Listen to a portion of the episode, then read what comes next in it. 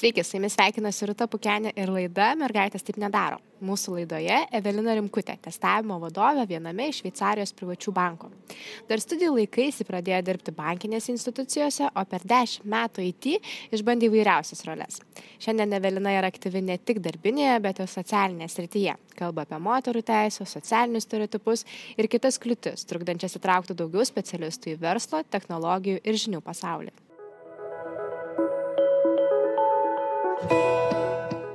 Sveiki, Evelina.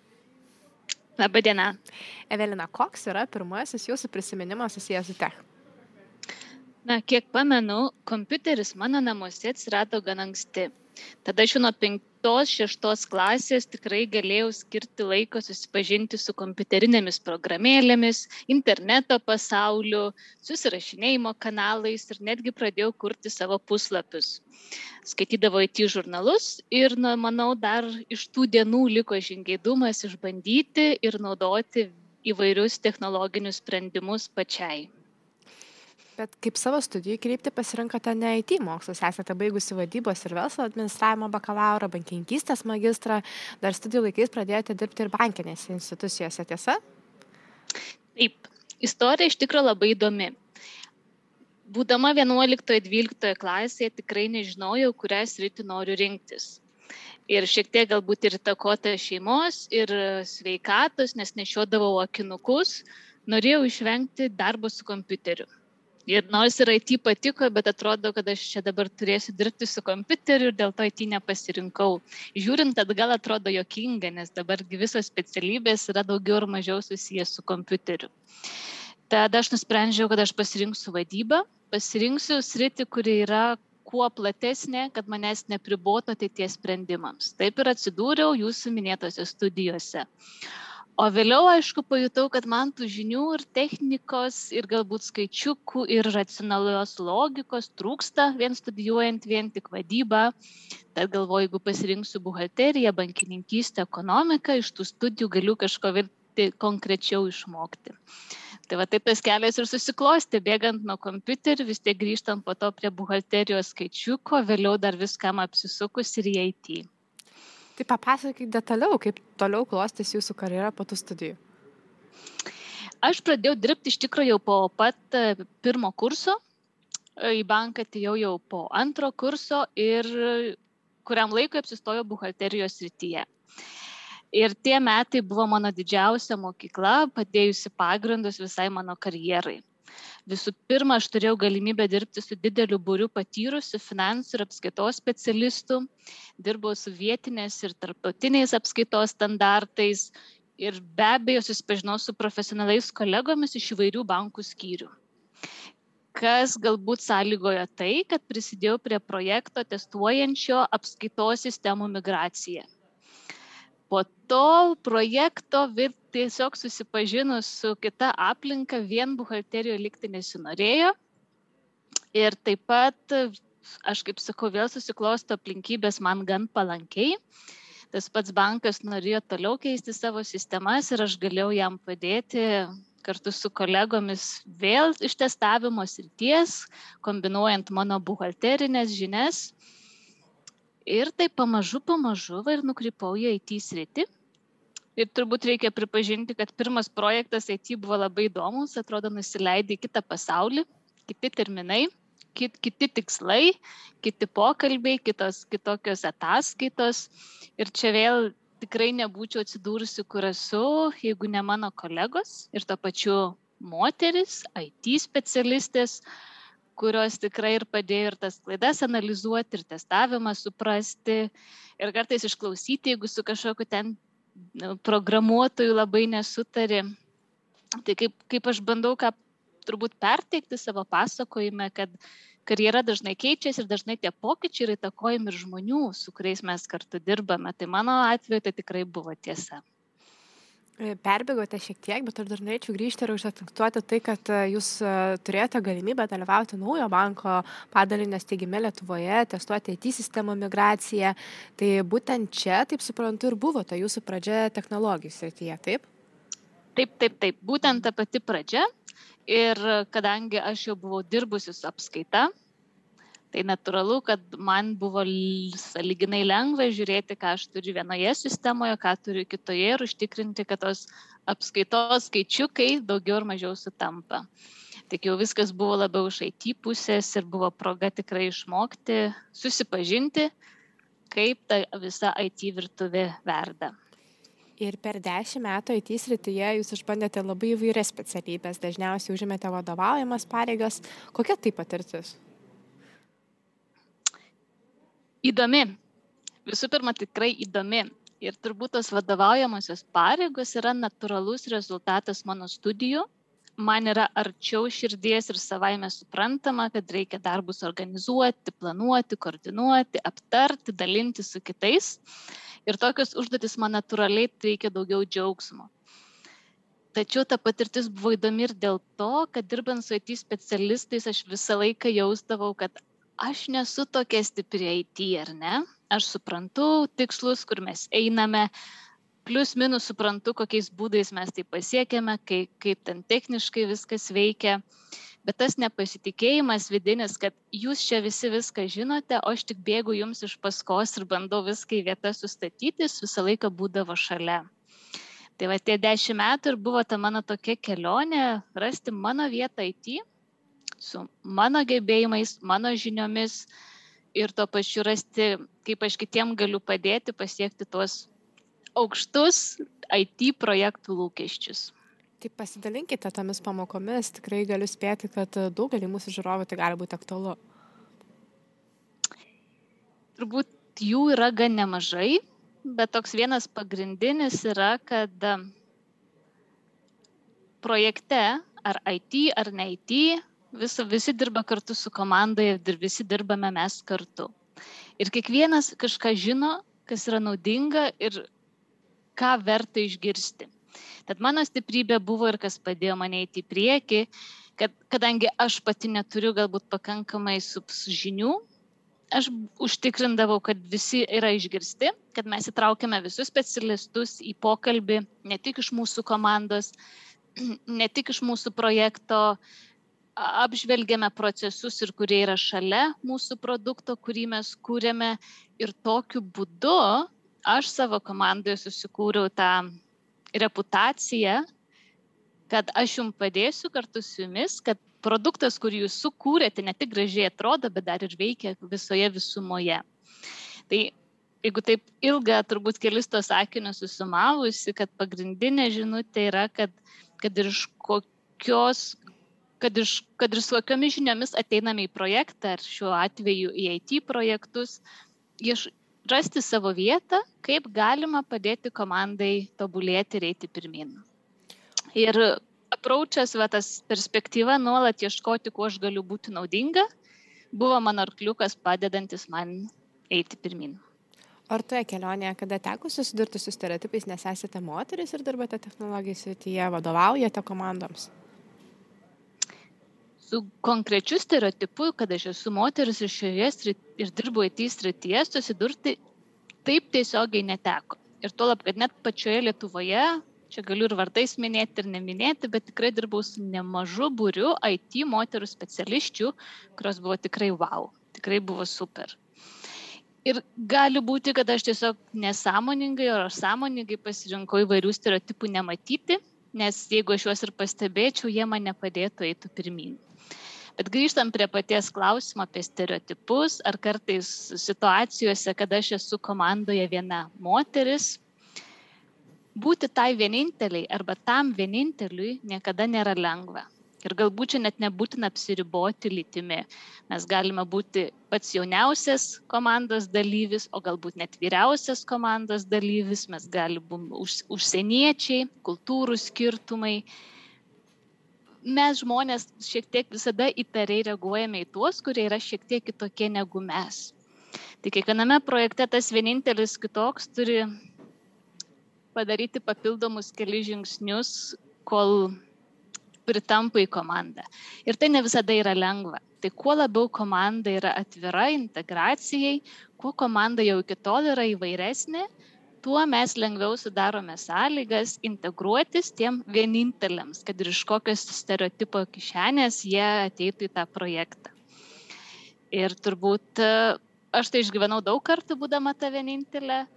Ir kiekvieną kartą padėdavo vis tas pats, kad aš esu dirbti su jumis ir aš esu pasirengusi atvirai jūs išklausyti, rasti būdų komunikuoti ir išsakyti savo nuomonę klausimais, o galbūt ne kivirčiais ir taip pamažu integruotis.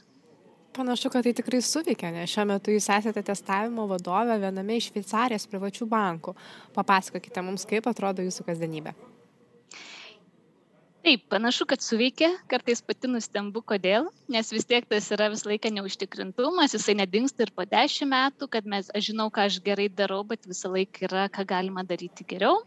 Tačiau, kaip ir minėjai, taip turiu galimybę dirbti Šveicarijoje, šiuo metu esu Julius Bier banke, Ir nieko nenustebinsiu pasakiusi, kad jau beveik antri metai dirbu iš namų, dirbu iš namų nuotoliniu būdu dėl, dėl pasaulio užklupusios pandemijos. Ir nors esu testavimo skyriaus vadovė, pagrindinis darbas vis tiek yra projekte. Ir projekte aš turiu keturias komandas, kuriuom padedu nepamiršti, kad kuriant produktą reikia taip pat atsižvelgti į kokybę. Tai pirmoji mano dienos pusė dažniausiai yra skirta susitikimams, tokiem kaip mm, statuso arba progreso aptarimui su kiekviena komanda atskirai. Tai būna toks ganytentas rytas, klausantis ir galvojant, ar niekas nieko nepamirš, ar galiu kažką padėti, ar galiu kažką priminti, galbūt paži galbūt pažįstu kokį žmogų, kuris padėtų tai komandai į priekį o popiet dažniausiai lieka laiko jau bendravimui su kitais skyriais, su projektais, planuoti ateities kokybės pokyčius arba įvertinti pasikeitimų įtaką samam produktui. Tad turbūt labiausiai tikiuosi, kad su laisvėjančia, šiek tiek gerėjančia korona situacija bus galima labiau derinti darbo ir, darbo ir namų, iš namų ir iš ofiso rutiną, nes kokie dažniausiai turiu kokius aštuonis susitikimus per dieną. Tai jau kartais tas ir testavimas virto toks call centro darbas, kaip aš kartais juokauju, skambučių centro darbas, visi susitikimuose išnekame vieni su kitais. Tai tos dienos atrodo visko pilnos, bet žinau, kad be darbo korporacijai jūs esate aktyvi socialinėje srityje, kalbate apie moterį teisę, socialinius stereotipus, skirtingų kultūrų, rasų, lyčių įtraukimą į verslo, technologijų ir žinių pasaulį. Kodėl jums tai asmeniškai svarbu? Apie šitą klausimą galvojau šiek tiek ilgiau, nes jį atsakyti nėra lengva. Pirmasis instinktas yra, o tai kaip kitaip? Jeigu man tai yra taip savaime suprantama, galbūt čia yra mūsų ir iš rytų Europos ateinanti šiek tiek palikimas, kad visi yra skatinami dalyvauti rinkoje, ar tu vyras, ar tu moteris, ar tu studentas. Aš labai nesijaučiau bent jau atstumta Lietuvoje. Ir kai aplink matai diskusijas, klausimus, ar kartais užuominas, kad galbūt čia nelabai tą darbo rinką tinki, ar čia ne tavo profesija. Natūraliai kyla toksai kaip pasipriešinimas, o tai kodėl, kodėl, kodėl mes tuos va barjerus susikūrėme gan dirbtinius, kurie stabdo ne tik žmonės, kurie stabdo visuomenės progreso, kurie stabdo gerbuvi, kuri galbūt ir mūsų vaikų ateitį gali pakeisti. Uh, tai man tai yra šiek natūralu, kad jeigu kažkas neveikia, reikia eiti ir bandyti žiūrėti, rasti būdų, kaip tai galima pozityvė, pozityviamis priemonėmis pagerinti. O ar kada galvojate, kaip būtų galima pozityviamis priemonėmis pagerinti tą moterų teks ryties situaciją? Ką reikėtų daryti, kad jų būtų čia daugiau? Pilnai tikiu, kad jeigu mes tai žinotumėm, turėtų jau kažkas būtų gavęs Nobelio premiją, aš ją kol kas nepretenduoju, bet mano instinktas būtų atsižvelgti į, į mokymosi struktūrą, į pirmosius metus, kaip mes, kas vyksta mokyklose, e, kaip mes organizuojame mokymosi sistemą, kokias mes žinutės komunikuojame moksleiviams. Aš pilnai įsivaizduoju ir su baltu pavydu kartais skaitau straipsnius arba klausau panašius įrašus apie mokyklas, kur moksleiviai gali laisvai rinktis įvairius įvairius subjektus, inicijuoti projektus, gauti finansavimą ir mokymasis vyksta ne pagal mokymosi programą, o mokymasis vyksta pagal realijas ir bet kuris mažas projektas labai greitai prives kiekvieną vaiką ar mergaitę ar berniuką prie technologijų, prie kompiuterių, prie programavimo, prie efektyvinimo visų procesų. Aš žinau, kad aš labai jau labai toli savo svajonės dėlioju, bet mano pagrindinis pirmas būtent su pagauti tas mergaitės ir berniukus, jų stereotipai dar nėra suformuoti. Matematikos pamokos, įdomios informatikos pamokos. O galiausiai, jau kai mes esame rinkoje, receptai labai paprasti. Samdyti daugiau moterų, išlaikyti moteris ir užtikrinti, kad ta komanda, kurioje jūs norite matyti diversifikaciją, iš tikrųjų yra diversifikuota ir įvairūs tiek kultūrų, tiek lyčių atstovai joje jaučiasi puikiai. O ar Šveicarijoje tas lyčių pasiskirstimas yra panašus, didesnis, mažesnis, gal galima iš čia kažkokios gerosios praktikos pasisemti? Deja, deja, labiau Šveicarijoje aš rodau Lietuvą kaip gerą pavyzdį, nes situacija čia yra šiek tiek kitokia. Be abejo, dirba tarptautiniuose bankuose, mes turime nemažai užsieniečių kolegų ir kolegių, tai tas balansas nėra toks. Šveicarijos istorija yra tai, kad tai yra mili labai militarizuota šalis ir jinai buvo ilgą laiką pakankamai ir yra vis dar turtinga ir gali sau leisti, kad pusė visuomenės lieka namuose, rūpinasi šeima, namos, namų šilumą, o vyrai dažniausiai būna darbe. Tai aš sakyčiau, ta visa globalizacija atneša naujovių į Šveicariją, kad ir ofisuose, ir darbuose, ir pilnu etatu matoma vis daugiau moterų. Tai dėja iš Šveicarijos daug patarimų Lietuvai duoti negalėčiau, bet visą laiką pabrėžiu Lietuvą, kad klausykit, klausykit, jum dar čia Šveicarijoje iš mūsų tik pasimokyti. Gerai iš tiesų girdėti. O, turėčiau ir paskutinį, bet tikrai labai svarbu klausimą mūsų pokalbio pabaigoje. Tai ką reikėtų daryti tiems, kurie galvoja apie savo karjerą tekstrityje, kokie būtų trys ar penki svarbiausi jūsų patarimai, nuo ko pradėti ir kaip įsitvirtinti čia, tekstrityje, klaidžioti čia mažiau, turėti tą savo svajonę darbą ir svajonę karjerą. Mm, puikus klausimas pirmasis žingsnis turbūt jis būtų vienodas, nesvarbu, į kurią sritį mes norime eiti, keistis ar aukti. Ar darbo, ar socialinių santykių, ar panašiai srityje, reikia praplėsti akiratį. Eiti tuos pirmus žingsnius, susipažinti su naujais žmonėmis, užkalbinti galbūt kolegą iš IT skyriaus. Taip subūrėme aplinkos ratą, kuris mus ir paskatina ir mes geriau galime žinoti, kuria, kuria kryptimi norime judėti galime įsivaizduoti kasdienybę toje srityje ir būtent bendravimas.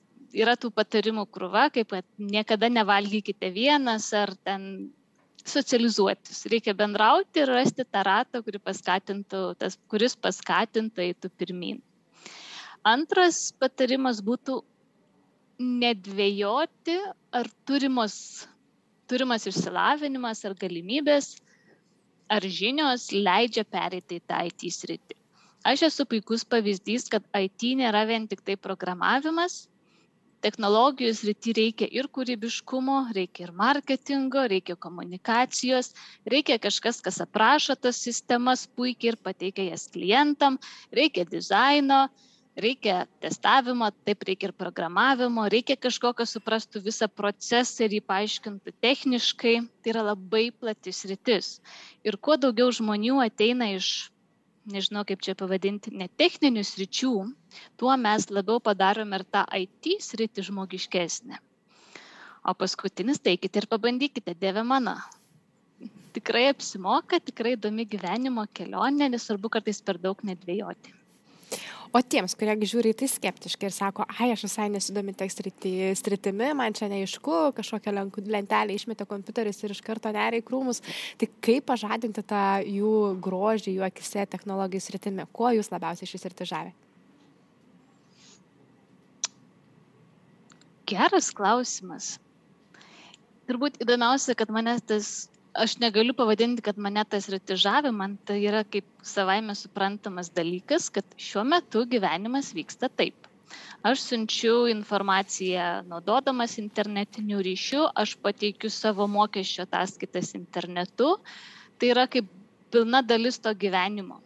Ir aš pilnai sutinku, kad turbūt yra žmonių, kurie sako, aš noriu to analogiško gyvenimo, ne kompiuterį ir aš turbūt tą pasirinkimą kaip ir gerbiu, tiek ir mūsų jaunesnės kartos turės rasti tą balansą, kiek mes gyvename tam kompiuterizuotame pasaulyje, kompiuterizuotoje visuomenėje, kaip rasti tą balansą be kompiuterių. Nežinau, ar verta tuos įtikinėti, kurie pasirenka gyventi kitaip arba nekišti per daug nagų, taip gražiai išnekant, ar ne, prieiti. Turbūt to balanso visuomenėje reikia, bet kuo labiau mes tai galbūt padarome nu, vartotojams prieinamiau, kad tos žinutės ir tos lentelės yra aiškios ir kad tas anukas galbūt turi pakankamai idėjų, kaip paaiškinti močiutėj, kaip ką daryti su tai šokusią lentelę, tuo mes daugiau ir tos visuomenės pritrauksime į eitį. Toks būtų, man atrodo, ir mano, ir mūsų šių pokalbių tikslas. Tai labai ačiū Jums, Evelina, kad pasidalinat savo patirtimi. Dėkui už skirtą laiką.